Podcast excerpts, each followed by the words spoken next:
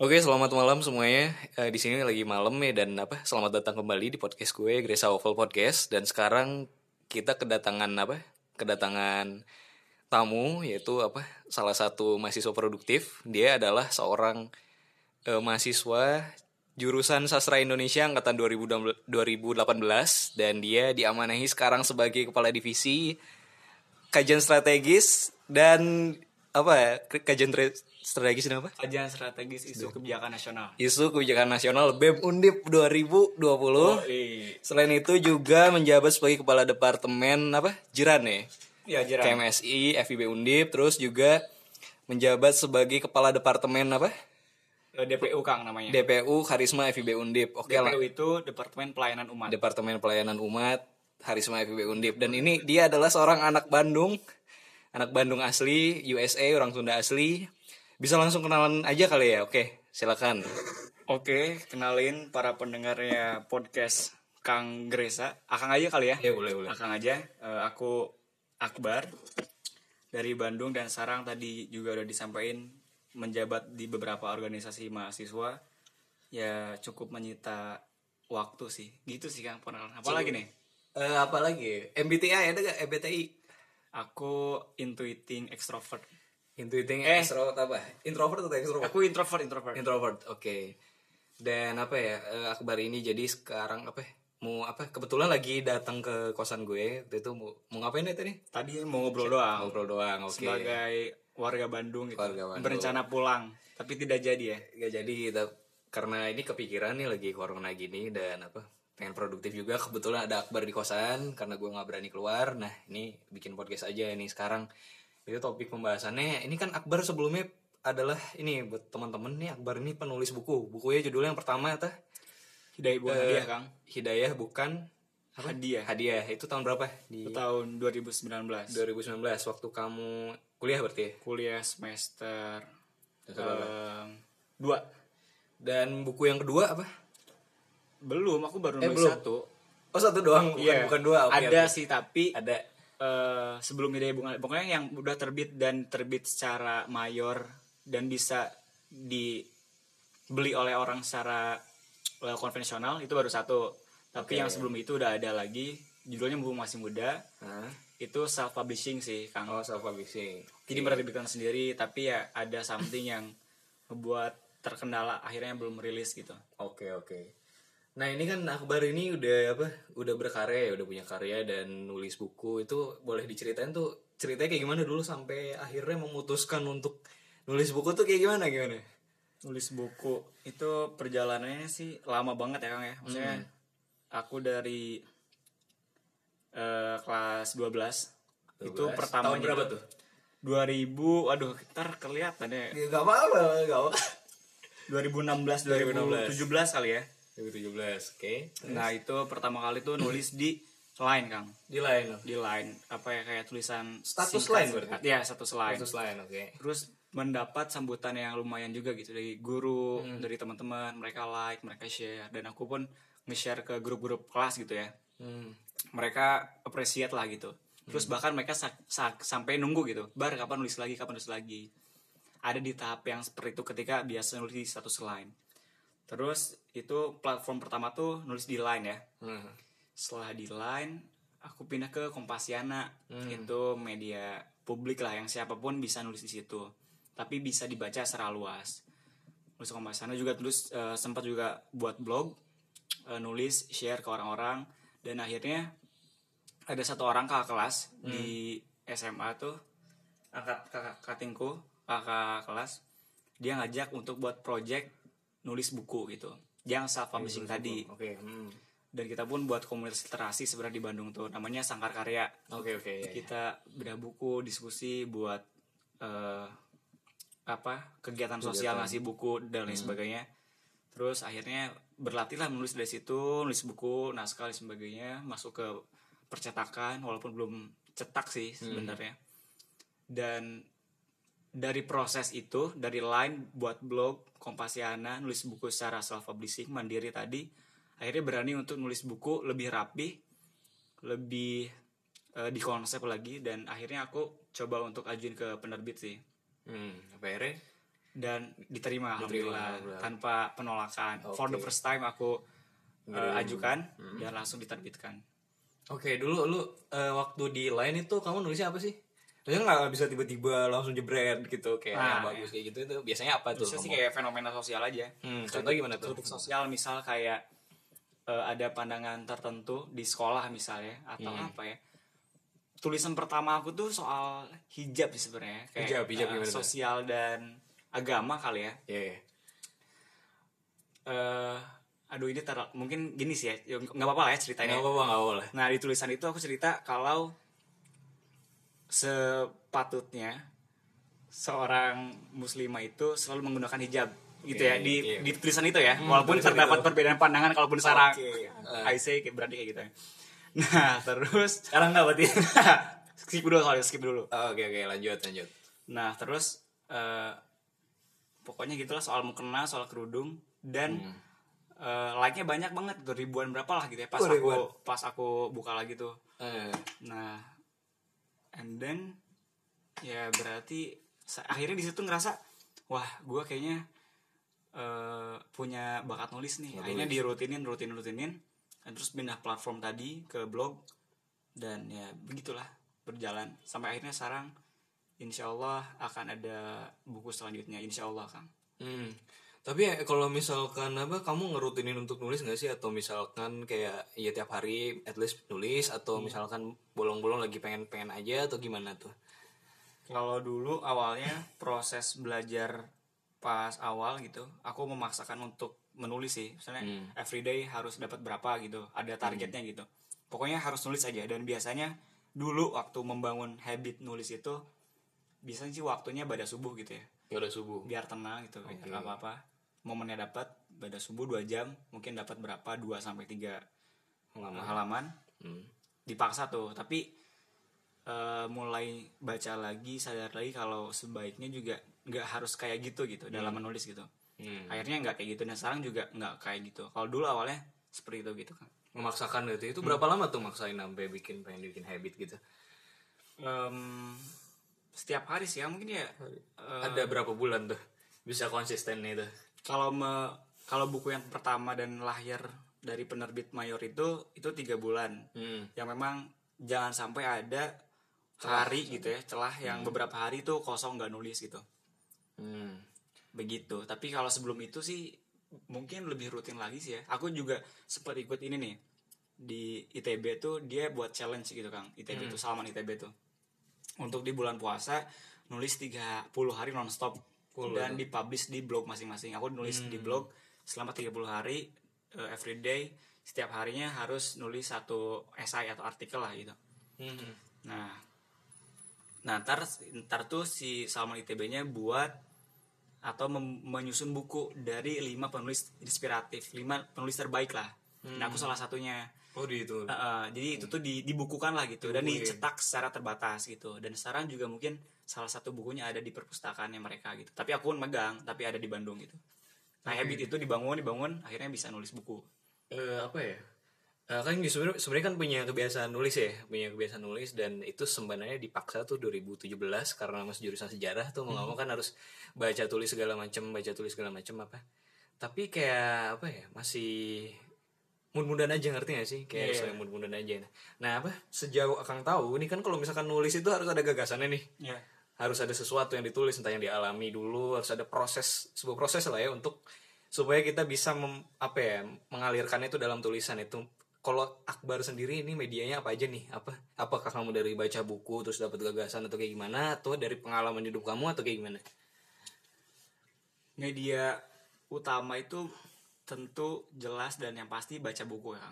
Hmm. Nah setelah itu kan kepala kita terisi ya kayak kita eh, untuk memuntahkan di dalam bentuk tulisan tentu harus ada isinya dulu gitu. Ibarat Hmm. makan udah kenyang muntah karena kekenyangan yaitu karena ada isinya. Tapi kan kita nggak bisa muntah kalau misalnya nggak ada isi di perut kita. oke Nah untuk memuntahkan isi kepala atau otak kita ya dengan mengisinya dengan membaca itu sih Hmm. membaca. Tapi setelah membaca juga ada proses kontemplasi, refleksi juga membaca realitas sosial gitu kayak membaca buku iya tapi membaca lingkungan pun juga iya nah Hmm. setelah itu baru deh mulai proses kreatif bisa dituangin ke dalam bentuk tulisan Oke oke. Tadi kan kalau kamu nulis tadi mem- apa ya mencoba membuat habit dengan cara tadi pada subuh mencoba nulis segala macam.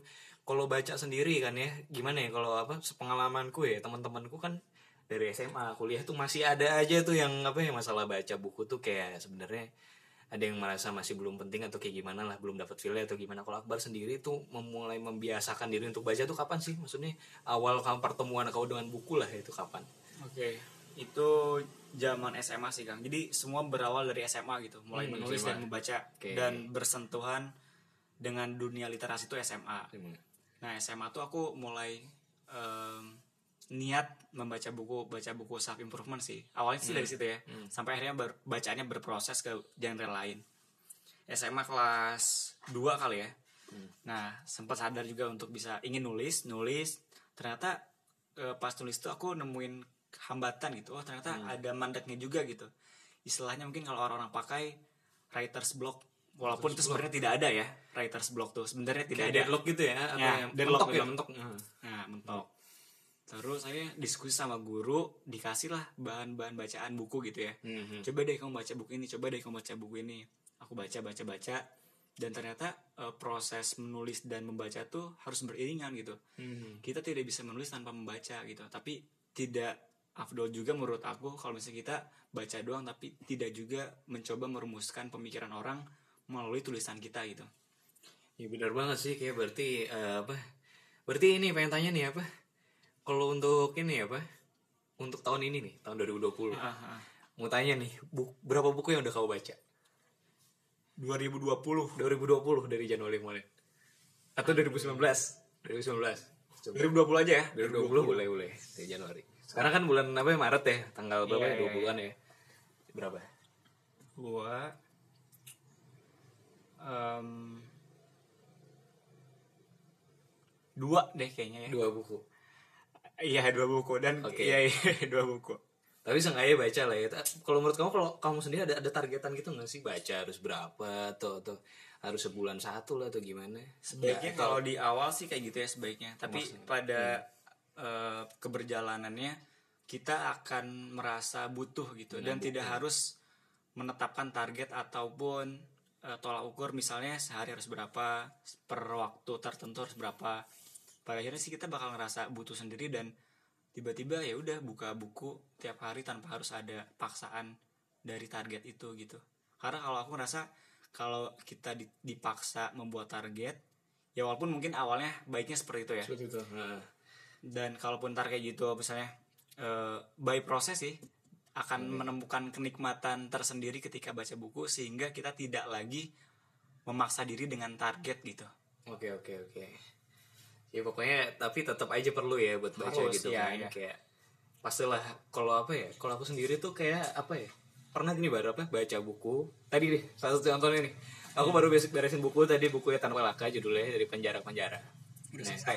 udah selesai udah selesai baru banget selesai nih dan apa ya sebenarnya ngerti nggak ngerti padahal aku jurusan sejarah ya Iya, iya, iya. agak sukar ya aku aku agak sukar nggak tahu bahkan kalau aku baca madilog tuh nggak ya itu Hmm. pemikiran malah aku lebih enak baca itu kalau baca dari ke penjara penjara atau kayak aduh kayak itu kayak, kayak nyampe gitu ya? Oh, kayak kurang nyampe. padahal penulisnya sama ya? Ya berapa ini sama yang satu pemikiran atau atau autobiografi gitu. Tapi aku mikir gini sih bar. Kayak ini gua baca buku aja ngerti nggak kayak masih dodol ngerti ya? Paham nggak sih? Hmm, katakanlah kita nggak ya menurut menurut penelitian juga kan kita nggak mungkin semuanya nyerap kan kita Iya, besok iya. bisa lupa lagi segala macam. Aku pun kayak merasa eh, apa ya? Akan kayak merasa tuh kayak udah baca pun bisa lupa juga bisa tetap dodol juga ngerti gak sih? Apalagi nggak baca at least itu ya. Kalau aku mikirnya eh, kalau aku mikirnya at least kita perlu terus untuk menampar diri untuk sengaja tahu lah kita bahwa kita ya semakin bodoh sebenarnya ngerti gak sih? Kalau menurut Iya, kamu iya. gimana? Setelah baca buku tuh kayak ada perasaan kayak gitu gak sih? Pasti sih kang. Itu kayak pasti dan mungkin dari tadi misalnya akang udah baca dari penjara ke penjara udah selesai baca ataupun aku yang udah mungkin baca apa ya terakhir aku baca George Orwell sih. George Orwell. 19 gitu. judulnya apa? 1985 Eh, kayak gitu. Nah itu em, dijamin kita itu tidak tidak mungkin bisa mencerna dan memahami 100% dari isi buku itu gitu. Karena yang aku pahami kalau pas kita baca nih kita baca baca satu esai nih misal kepala kita tuh udah punya materi tertentu akan suatu konsep yang ada di buku itu. Hmm. Ya nggak sih kang? Iya, dapat nggak? Nah pas kita baca itu misalnya dari kata per kata kalimat ke kalimat dan akhirnya kita baca sampai selesai apa yang dimaksudkan polis itu akan disesuaikan dengan apa yang udah ada di kepala kita gitu. Hmm. jadi tidak mungkin kita memahami secara utuh. komprehensif Hmm. dan utuh gitu maksud dari penulis. Dan apalagi buku-buku yang tadi kalau kata akang bilang yang sifatnya pemikiran gitu ya. Hmm. ya menurut bagi aku sih itu akan lebih sulit dicerna gitu ya jadi ya gitu sih kang Berarti sebuah hal yang normal lah ya kalau misalkan ada perasaan Wajar seperti banget, itu, wajar banget. wajar banget dan apa ya? Kayak apa lagi? dan gak harus malah kita jadi nyerah juga sih gak harus karena pas kita udah baca kita nggak ngerti malah kita diem gitu ah udah simpen aja bukunya nggak gitu Hmm. justru pas kita nggak ngerti tetap lanjut baca gitu Hmm. ntar juga akan ada waktu atau proses di mana kita tuh ngerti apa yang kita baca mungkin kayak gini nih contoh Eh aku pernah minjem bukunya anak unpad temen aku ya Iya. dia anak psikologi unpad nah aku minjem buku filsafat manusia di manusia. tahun 2018 awal dan bukunya belum aku balikin sampai sekarang Sampai sekarang. Hmm. Nah pas pertama kali minjem di 2018 awal Pas aku pertama baca gitu ada aliran-aliran filsafat Aku nggak ngerti maksud dari buku itu apa Hmm. Oke yaudah. Karena nggak ngerti tapi tetap baca. Tapi nggak sampai selesai juga. Aku pending lah ya karena ah muak lah. Apaan nih? Simpen. Nah terus akhirnya waktu berjalan Dan juga baca-baca yang lain Ngobrol-ngobrol sama orang yang lebih ngerti Sama orang yang udah lebih banyak baca. Aku buka lagi tuh mungkin eh, 2018 awal Eh Akhir. sorry Tengah sampai akhir Tengah lah. akhir. Aku buka lagi Dan aku paham ternyata apa itu isinya gitu. Apa itu maksudnya dari mungkin Apa ya eh, Idealisme misalnya apa gitu ya Empirisisme, misalnya dan lain-lain lah gitu ya bilang oh ternyata teorinya seperti ini aplikasi ini tokonya gini oh mulai bisa menautkan lah antara satu konsep dan konsep yang lain Berarti baca juga sebenarnya memerlukan proses juga ya. Maksudnya kayak kita ngelakuin sesuatu juga ya nggak sih? Terus ini apa? Kita kan sebenarnya gini bar apa? Kita generasi Z lah katakanlah dan kita punya banyak media ya untuk belajar kan. Sekarang ada internet segala macem. Apalagi kalau aku sendiri tuh suka nonton namanya TEDx kan. Tahu tahu ada TEDx, ada misalkan banyak banget kan apa eh, apa ya akun-akun yang literasi finansial, eh, lit- literasi literasi kayak gitu segala macem. Ini kan maksudnya kayak gimana ya? Kayak ada sebuah kayak saingan baru gitu ngerti gak sih? Ya, Apakah masih ah dari buku apa apa masih relevan menurut Akbar untuk untuk baca buku atau kita bisa sebenarnya dari situ gitu belajar dari situ. Toh dari situ juga kan sebenarnya kan kita dalam memahami sesuatu ini kan sebenarnya ada tiga gitu ya ada yang generalis generalis itu kayak misalkan Elon Musk itu kan eh, yang bisa tahu segalanya dan cukup lumayan gitu terus ada spesialis yang bisa dalam terus ada juga versatile versatilis ya yang Iya, semuanya dalam itu kan kita nggak harus baca dari buku doang. Dan menurut Akbar gimana nih? Nah. menghadapi ya kayak gitu nih buku ini. Wow oke. Ini juga menjadi keresahan aku sih dan pertanyaan pribadi ya. Sebenarnya hari ini apakah kita harus tetap rajin membaca buku di saat ada media lain yang bisa lebih cepat membuat kita mengerti akan suatu hal gitu ya? Ayo, dengan oke. mendengar podcast misalnya. podcast. Nonton video, Video. baik itu dari YouTube atau TEDx. Eh, menurut aku sih perkembangan teknologi juga media yang mungkin dulu tidak ada media-media eh, internet atau teknologi yang dulu cuma sebatas media kertas gitu tulisan yang tulis sebuah kertas sehingga ada penyampaian pengetahuan melalui itu. Mungkin hanya perbedaannya itu ini Kang transformasi dari apa yang ada di kertas menjadi suara gitu ke podcast misalnya Terus jadi suara oke. Nah, gitu? Atau dari eh, tadi teks dari buku menjadi audio visual dalam bentuk video. Video oke. Kayak gitu ya. Jadi eh, tapi ya menurut aku bagaimanapun canggihnya tadi video ataupun suara tidak akan mampu menggantikan kenikmatan kita membaca buku, Baca gitu. oke. Karena kalau baca buku itu eh, relevan tadi kan pertanyaannya relevan Oke, nggak, Mas? tidak relevankah si efektif atau gimana? masih sangat relevan dan akan sangat akan terus relevan sih. Kalau buku tuh kita imajinasi jalan gitu. Jalan. otak kita dipaksa lebih keras ketika kita membaca buku gitu. Jadi membaca buku itu bukan cuma aktivitas fisik yang mana kita memegang buku membuka kertas demi kertas memindahkan mata dari kata ke kata selanjutnya dari paragraf 1 ke paragraf 2 tapi ada proses refleksi juga gitu ke diri kita gitu. Ada emosi juga main gitu kang. Berarti emang benar-benar intim banget deh gitu. Nah. Dan ini aku punya kayak gini sih aku setuju sama Akbar sih. Aku setuju sama Akbar.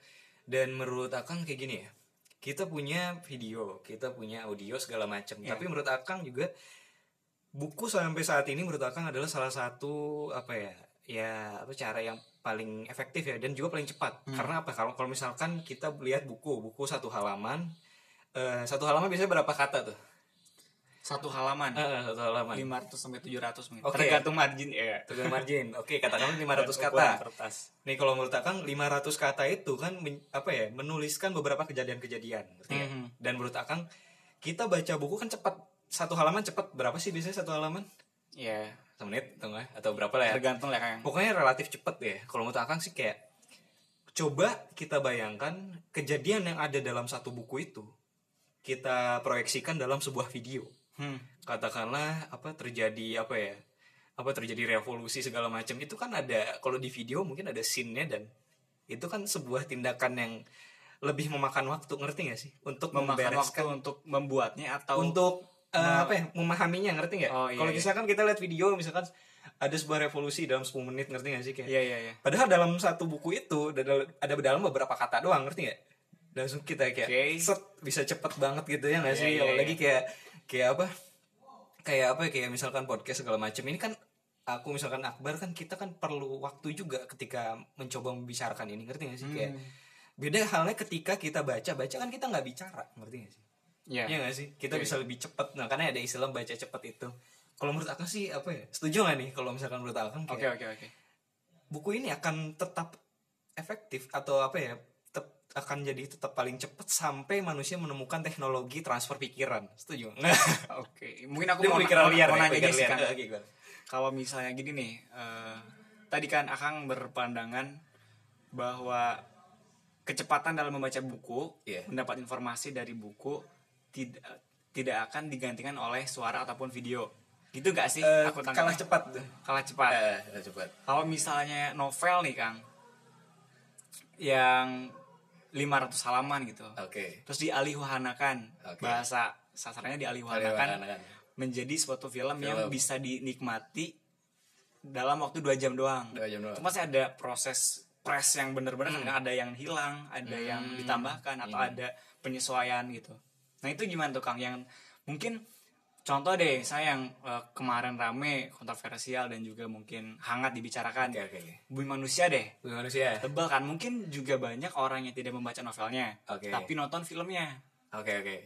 nah orang juga nggak iya nggak sih Eh, udah Iya nggak nggak sih? Eh, baru baru paham sih. oke oke.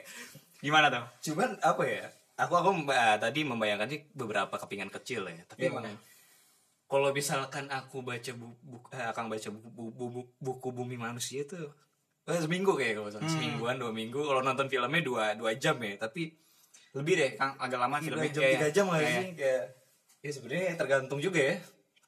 Cuman kalau di film itu kemarin kan ya nggak semuanya ya. Ya pasti ada. nggak semuanya. Apa istilahnya kok? Hmm. emang pasti harus ini juga ya ngikutin ketentuannya filmnya gitu ya. Beda kan? Beda media. beda. Nah mungkin poinnya itu perbedaannya itu kali kang. Maksudnya Oke, kalau kita baca buku ada sensenya yang beda gitu dibandingkan buku juga. nah ngaruh kan? Eh, pas nonton film juga gimana? Ya gitu sih paling. Itu tetap masih bisa lah ya gitu kan. Masih masih sangat sangat bisa juga. Apalagi apa ya kayak kamu ebook baca juga nggak nah itu. Nah, paling juga perubahan atau perbedaannya menjadi medianya doang gitu yang beda. Mungkin kita secara eh, nggak lagi megang buku fisik gitu. Iya sih nggak lagi megang kita Kindle. megang kertas gitu. Hmm. tapi kita di laptop atau HP gitu kan kang di Iya. media teknologi. Berarti gini ada project lagi nggak nih bikin buku? Insya Allah gimana, akan gimana? selalu ada kang. Ya, sepertinya sih walau apa pun yang akan aku kerjakan nulis buku itu sebuah keharusan itu sih tanggung jawab intelektual lah. Punya oke. Eh, Yoi enggak bener bener ya makanya akan justru baru mikir juga sebenarnya kenapa apa ya kenapa harus ya sarjana itu harus bikin skripsi nggak sih? Hmm. karena itu salah satu karya yang bakal abadi juga kan ya nggak sih? Selain karena nah itu sih. ya mungkin oke lah ada ada beberapa orang yang ya apaan sih skripsi gitu ya gimana ya itu ya salah satu bukti sejarah juga bahwa lo juga bukan berarti bikin skripsi bukti adalah bahwa lu telah berpikir nggak juga gitu kan? Cuman seenggaknya itu kayak kalau udah bikin udah jadi ya jadi oh, kita bakal dikenang gak sih? Apalagi Iya, kalau iya, iya. misalkan kayak jadi sebuah yang ya bisa bermanfaat banget buat orang banyak gitu. Berarti sekarang lagi nyusun dong ya kan? Lagi nyusun. Deh makanya Gila, ngingetin sama skripsi ya? Eh, ini cari cari kegiatan nih buat ini biar produktif. Ini kan kita belajar nggak dari ini doang ya maksudnya apa ya aku kan bukan berarti belajar dari senior doang kita kan belajar dari siapa aja itu termasuk Akbar juga yang oh, sangat produktif sekali nih. Enggak, Kang. thank you, thank sama you. anak Bandung juga kan. Oke Kang. Iya iya iya. Jadi sekarang selain skripsi ngapain? Eh, selain skripsi ya bingung ngapain baca buku drakor nonton drakor. Nonton drakor? Nonton film, Wah, for aduh. your information nonton drakor. Oh nonton gak Enggak lah. Eh, nontonnya apa tuh Eh, jarang nonton sih Banyak nonton, berarti baca buku terus Iya. ya. Wah, nggak diskusi paling sama teman-teman anak asrama Biasa diskusi apa tuh? Literasi banget ya anda orangnya diskusi. tidak tidak baca, tidak seperti itu menulis. kasarnya gimana ya kebutuhan sih kang Kebutuhan, oke oke. diskusi apa aja kayak hal-hal yang ringan sih sebenarnya menurut aku ya eh, yang relate banget sama diri kita itulah yang hangat untuk didiskusikan gitu kayak psikologi atau apa pun lah Tapi itu membantu banget gak sih ketika kamu udah nulis buku, sering baca buku segala macam. Ketika kamu kuliah nih kan SMA beda sama kuliah ya. Hmm. Ya kamu kuliah tuh membantu banget gak sih? Apakah kamu jadi seng- gak kaget atau gimana bisa lebih memahami kan buku kuliah berat-berat ya. Apalagi udah taraf konsep segala macam. Kalau udah sarjana udah deep banget, udah dalam banget lah gitu kan dibandingkan anak SMA itu kayak gimana tuh? tentu membantu lah kang kebiasaan membaca yang aku bangun dari SMA dan ketika kuliah harus baca jurnal harus baca buku. Jadi ya nggak kaget. Apalagi untuk ngeba memahami teks yang butuh pemahaman atau nalar yang kritis gitu. Ya jadi ya oke oke aja gitu. Untungnya sih di situ. Hmm. ya kan kang? Berarti apa ya? Ya kayak emang perlu banget gitu ya untuk berkarya ya, itu ya. Yoi, Karena kan kita kayak orientasinya tuh aduh kerja kerja ya nggak sih? Kayak Iya, iya, mindset kayak gitu tuh. Padahal masih ingat apa? Eh, akang ingat omongan Panji pra, Pragiwaksono ya gitu. Yoi. Itu bangsa bekerja bukan bangsa berkarya gitu. Bangsa berkarya itu yang orang-orang luar gitu. Kita kerjain karyanya orang luar gitu ya Iya, nggak sih iya, kayak. Bang Akbar sendiri gimana nih? Apakah semuanya perlu harus memiliki karya orsinil atau kayak gimana? tidak harus sih kang Tidak harus, tidak harus dinikmati saja hidup kang Oh, Kayak, iya, iya. sebenarnya aku juga nulis ya berkarya kan luas ya kang Hmm. oke awal orang kita coba eh, ngomongin karya nih ya kang tadi loncat ke karya Hmm. Karena karya kan luas karena aku bisanya nulis atau aku inginnya berkarya dalam hal kepenulisan ya itu. Jadi I just do what I can do aja gitu. Hmm. I write what I can write gitu. Hmm. sebenarnya kalau aku bisa nulis novel aku nulis novel kan. Novel. tapi belum bisa gitu kalau tapi ya, ya sudahlah. Aku lakukan apa yang bisa aku lakukan. Jadi teruntuk orang-orang juga gak harus ambisius buat karya yang segimana juga sih gak harus. Jadi ya cuman lakukan apa yang harus kamu lakukan juga itu enough sih.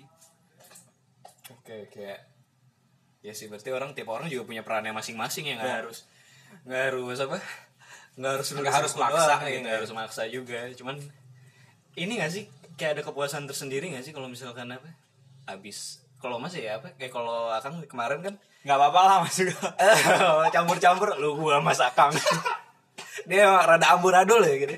Kalau di Semarang nih nggak tahu deh kang kang Nah ini apa kalau apa kemarin misalkan aku nih apa eh, akang nih nggak bisa tidur kan terus tiba-tiba mikirin apa kang? Aduh nggak bisa tidur aja gitu. Dikira Nggak- mikirin yang lain. nggak bisa tidur aja nggak bisa tidur terus aduh gua kayak eh, ada sesuatu di pikiran pikiran ngerti gak sih? Kayak udah itu bangun nyalain apa lampu buka laptop buka blog langsung nulis langsung ditulisin kayak tapi udah itu tuh kayak udah tenang terus bisa tidur baru bisa tidur. Kalau kamu gitu kayak ada kegelisahan gitu nggak sih? Atau ada kepuasan tersendiri ya ketika udah nulis gitu? Apalagi nulis buku contohnya? Ada lah pastilah ada. Dan kalau kita lagi malas nulis ya kang tadi ya? Hmm. malas nulis ya udah nggak usah nulis. Kalau aku sih nggak usah nulis. nggak usah nulis. Ya denger lagu kayak atau ngobrol sama orang kayak tapi kalau aku sih paling ampuh untuk meningkatkan semangat dalam menulis atau membaca atau apa pun itulah gitu ya yang produktif ngobrol sama orang sih ngobrol sama orang ngobrol sama orang ngobrol sama Mas Gresa Kang Gresa gitu kan. waduh ntar dapat insight baru sih itu itu sih bukannya kebalik ya aku yang dapat insight baru enggak lah kan Eh, ini kalau misalkan apa? Apa sih namanya? Pelatihan gitu kok sebelumnya pernah ikut nggak sih kayak seminar-seminar gitu? Kayak yang pelatihan nulis atau Eh, gimana? pernah sih dulu tapi itu aku lakukan ketika SMA sih? Jurnalistik gitu. Belum nggak sih? Hmm, perlu nggak perlu sih. Ya mungkin kalau ngerasa perlu secara teorinya secara teknisnya perlu. Hmm. tapi secara pembiasaan juga ntar kita menemukan gaya dalam menulis lalu eh, condongnya atau ntar kita expertnya nulis apa. Itu sih akan kita menemukan sendiri dalam proses kreatif kita dalam menulis gitu. Oke. tapi nggak nggak nggak nggak harus lewat. Aku yakin juga sih orang-orang kayak Eka Kurniawan gitu atau siapa pun itu ya sastrawan hebat Hmm. mereka melalui prosesnya ya proses jalanan gitu proses kultural proses yang tidak harus diduduk lalu mendengarkan guru atau dosen berceramah tentang bagaimana menulis yang baik tidak Oke. tapi itu pun tidak salah tentu ya luar biasa sekali ya orang sastra Indonesia itu. Nah ini apa? Eh, aku mau nanya nih apa? Apa perubahan terbesar yang terjadi ketika kamu udah nulis buku dan mulai sering baca itu apa? Udah nulis buku ya Kalau contohnya yang, yang nulis Perubahan. buku dulu, coba Eh, perubahan besar apa yang terjadi dalam Oke. hidup kamu? perubahan terbesar itu adalah pandangan orang terhadap diriku kang Oh, iya, iya, gimana? jadi orang itu ini menarik sih kang sungguh menarik Hmm. orang itu punya ekspektasi yang tinggi banget gitu pas aku udah nerbitin buku apalagi bukunya bisa dibilang itu eh, buku yang udah bisa di- dipasarkan lah ya bisa ditemuin di Gramedia teman-teman sekalian promosi Iya, so promosi aja gak apa-apa gitu lah. di toko buku online Seluruh Indonesia, ada ya seluruh Indonesia dong Untuk banget seluruh Indonesia. nah buku dan juga kaitannya itu kan buku yang aku tulis genrenya motivasi Islam ya Kang Oke, oke. Nah, jadi orang-orang itu, orang-orang terdekat aku ataupun yang tidak kenal, punya yang terdekat lah eh, utamanya, punya ekspektasi tertentu gitu terhadap diri aku gitu. Jadi bisa aku ngelakuin A dan mereka mendapatkan kalau aku tidak sesuai dengan apa yang aku tulis, mereka akan apa ya? Mungkin juga ada yang taraf sampai judging gitu ya, kayak ngejudge. Kenapa sih ABC gitu? Gitu sih kayak pandangan orang terhadap diriku yang sebagai dalam tanda kutip penulis mungkin ya. Oke, oke. Aku tidak merasa kalau aku penulis Uh, ulung atau enggak sih Kang sebenarnya. Seriusan enggak. Iya. Jadi Tapi apa ya, dong? Apa dong? Orang yang nulis tapi menurut aku saya label penulis tuh Hanya untuk sakral gitu. yang Oh, oke. Sakral dan Benar-benar mendedikasikan dirinya untuk menulis gitu atau gimana? maybe ya Seperti gitu. itulah mungkin ya. lah bisa. Ah, bisa. Aku belum sampai tahap yang tahap yang bisa di labelin sebagai seorang penulis aku enggak. Tapi ya itu sih. Orang-orang kan mungkin beda ya konsep tentang penulis dalam apa yang ada di kepala aku. Jadi ya itu sih. Oh Ak- Akbar penulis berarti harus A B C. Mereka punya standar gitu punya ekspektasi. Nah kadang aku tidak bisa memenuhi itu kan. Nah Oke. mungkin ada benturan atau apa tidak sepaham sepahaman dalam hal itu gitu Tapi ada pengaruh nggak sih eh, terkait misalkan contohnya karir kamu nih kan kamu di organisasi segala macam udah nulis nih gimana nih? Jadi kayak ada sebuah ekspektasi tertentu atau kayak gimana nih? Ngaruh nggak sih menurut aku? Ngaruh ngaruh sih. Tapi karena beberapa jabatan yang aku emban saat ini berkaitan sama apa ya sama penalaran gitu kepenulisan ya karena relate karena nyambung jadi ya nggak ada eh, ini sih kang. Nggak ada hambatan yang lebih atau banget banget gitu. Nggak ada. Tapi mungkin ngaruhnya ke waktu aku dalam menulis apa yang ingin aku tuliskan sejak awal gitu. Karena karena awal aku nulisnya non fiksi apa apa gitu. Nah sekarang aku harus menulis hal yang sebenarnya bukan dari keinginan aku pribadi tapi tanggung jawab aku sebagai pengurus organisasi gitu. Hmm. misal nih di bem karena jadi eh, kasral sospol jadi harus nulis kajian tentang isu apa gitu. Hmm. Nah kayak gitu sih problemnya. Nah kadang orang itu Aku sampein juga nih ya di podcastnya Kang Gresa Kadang orang itu kan tidak bisa memahami. Jadi kayak lu jago nulis Lu bisa nulis atau lu udah nulis buku Kita tuh pasti akan dianggap lu bisa nulis apa pun gitu. Hmm. Karena lu udah nulis buku Lu pasti jago nulis apa pun itu gitu. Walaupun misalnya beda eh, karakternya Ataupun beda secara penulisannya gimana gitu Nah itu sih kayak orang tuh sebenarnya nggak gitu pandangan seperti itu ya. Heeh, gitu. Kayak karena karena kita udah nulis buku jadi ya lu kan udah nulis buku jadi bisa nulis apa aja kita iya bisa nulis apa aja. Iya padahal nggak gitu. itu tuh baru tahu sih pandangan kayak gitu dan apa ya selain itu apa lagi tuh yang apa cukup memberatkan tuh? Eh, tadi ya kayak pandangan orang satu itu eksternal ya. Terus yang kedua kita kita kita lihat dari dua sisi ya oke. Yang apa? Yang bener yang positif negatifnya nih coba negatif dulu coba. Negatif tadi. dalam hal apa nih tadi? Eh, apa tadi? Orang-orang tadi ekspektasi Ah, tinggi terus ekspektasinya tinggi benar standar tertentu. Nulis bisa nulis apa pun gitu. Nah itu. Padahal enggak juga dan sangat kentang sebenarnya. Kenal sumpah kang gila. Jadi ya belajar sih. Ta- tapi nah, nah itu negatifnya ya mungkin seperti itu. Tapi Eh. aku bisa membalikan itu menjadi hal yang positif. Yaitu dengan menyesuaikan pandangan orang lain. Sorry.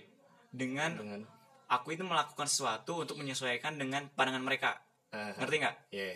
Nah, karena sudah kadung, sudah terlanjur aku dicap sebagai penulis dan beberapa orang yang tidak mengerti, aku katakan seperti itu, bahwa menulis itu bukan berarti sudah menulis buku itu bukan berarti bisa menulis semua hal, tapi mereka beranggapan seperti itu ya udah kayak Oke. pembuktian aja gitu. Oke, Kalau gue bisa nulis apa aja gitu. mantap mantap dan ini juga apa akan lihat juga ini Akbar ini apa ya inspiratif banget lah tokoh Mulai ya. Ba- Bandungan Bandungan nah ini nggak akan akan lihat ini kan kamu kan semester 3 waktu itu ya Iya, Kang. eh, apa jadi pembicara di LKMM PD ya Oh, iya. jujur jujur nih ya Iya, iya, banget iya, nih. iya, iya.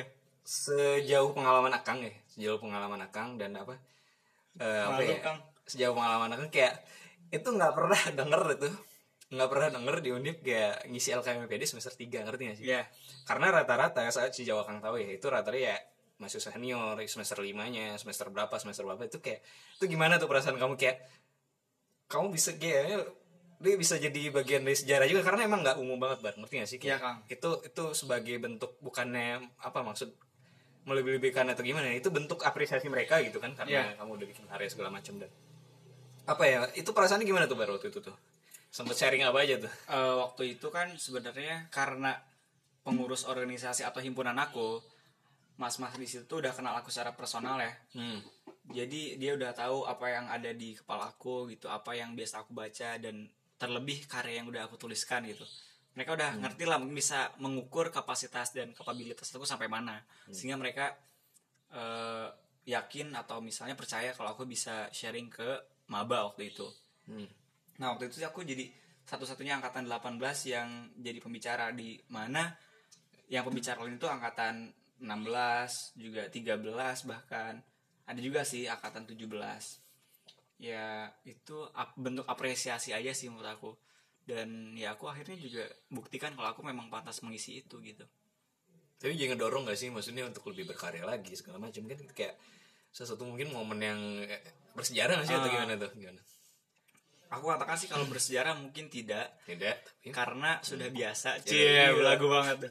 Enggak enggak enggak ya bersejarah sih ya bersejarah tentu dong ada dalam catatan peristiwa masa Iya, lalu. ada sertifikatnya aku ngomong ba- baik ide lah apa kajian historis kan ada benar Iya, iya. bukti fisiknya cuman eh, setahu aku tuh yang cepat pun ya semester 4 baru bisa ngisi ngerti ya pak? Iya, iya, Kayak iya. itu itu sebenarnya pola yang sebenarnya yang biasanya seperti itu gitu ya? Ya bisa seperti itu. Kayak luar biasa sih. Kalau mendorong ya tentu mendorong kang. Nah jadi karena aku juga kan share kan post apa posternya gitu di media sosial di IG aku. Jadi ada juga dari jurusan lain gitu atau eh, ya jurusan lain yang juga ikut mengundang aku di eventnya apa gitu. Ya mendorong lah kang lah. Tetap harus mengisi lagi batin dengan bacaan-bacaan mengisi lagi pikiran dengan eh, literasi yang lebih gitu. Jadi kan sebelum kita ngisi atau aku ngisi eh, perlu dulu untuk me- mengisi diri sendiri kan Iya, sebelum aku sebelum sampaikan lain. Heeh. jadi nggak mau juga gitu kalau misalnya aku disuruh ngisi tapi aku nggak punya kapasitas dalam hal itu gitu jangan sampai kayak gitu gitu Oke oke. Ini berapa eh, apa? Mungkin Akbar punya apa ya? Punya saran atau apa? Apa ya? Ini kan mendengar podcastku mungkin ada teman-teman mahasiswa juga nih kan mahasiswa di Undip atau di kelasku kayak gimana? Ada pesan-pesan nggak sih kayak misalkan eh, apa ya? Ya tentang tulis menulis atau lain hal sebagainya ada kayak pesan gitu nggak? Oke. Eh mahasiswa ya Kang ya, karena kita kuliah mungkin 4 sampai beberapa tahun lebih gitu ya. Itu sangat sebentar banget Kang menurut aku ya. Bentar banget, bentar banget dan iklim atau misalnya habit membaca, menulis atau literasi lebih umum itu benar-benar kita dapetin atau aku dapetin tuh di bangku kuliah gitu. Dan kalau misalnya kita enggak manfaatin segala sumber daya yang kita punya, baik itu uang, eh, tenaga, waktu gitu ya, untuk bergelut dengan dunia literasi, dengan dunia organisasi juga mungkin lebih general ya amat sangat disayangkan gitu. Kita kuliah tapi kepala kita nggak diisi ya ngapain gitu. Mungkin kalau kata siapa ya kalau kata Nadiem Makarim kali ya nggak semua masuk orang yang masuk eh, kelas tuh mereka belajar gitu. Nggak semua orang yang lulus kuliah tuh belajar. Atau atau atau kata Rocky Gerung nggak semua andai gue Orang Gerung gimana? mengutip Rocky Gerung Apa aduh. apa? nggak semua orang sarjana itu orang yang punya ijazah tuh menjamin bahwa dia punya otak gitu. Atau misalnya mikir gitu Oh, gini, jadi gini ya, Pak. kayak gitu Orang yang punya ijazah itu belum tentu dia mengartikan bahwa dia telah berpikir ya nggak sih? Nah, Dia iya. telah mengenyam sarjana, oke gitu ya. Oke. Baik, terima kasih Akbar yang luar biasa 40 menit yang nggak kerasa udah kerasa 40 menit yang sangat produktif. Eh, mungkin sekian dari apa? Dari gue terus gue harap ini bisa bermanfaat buat teman-teman dan jangan lupa juga kayak apa ya? Di follow juga di apa? Di apa di Spotify-nya dan juga kalau ada kritik saran bisa langsung via DM DM Instagram Gresa GWF dan terima kasih sekali teman-teman yang udah bersedia denger celotehan ini dan sampai jumpa di episode selanjutnya.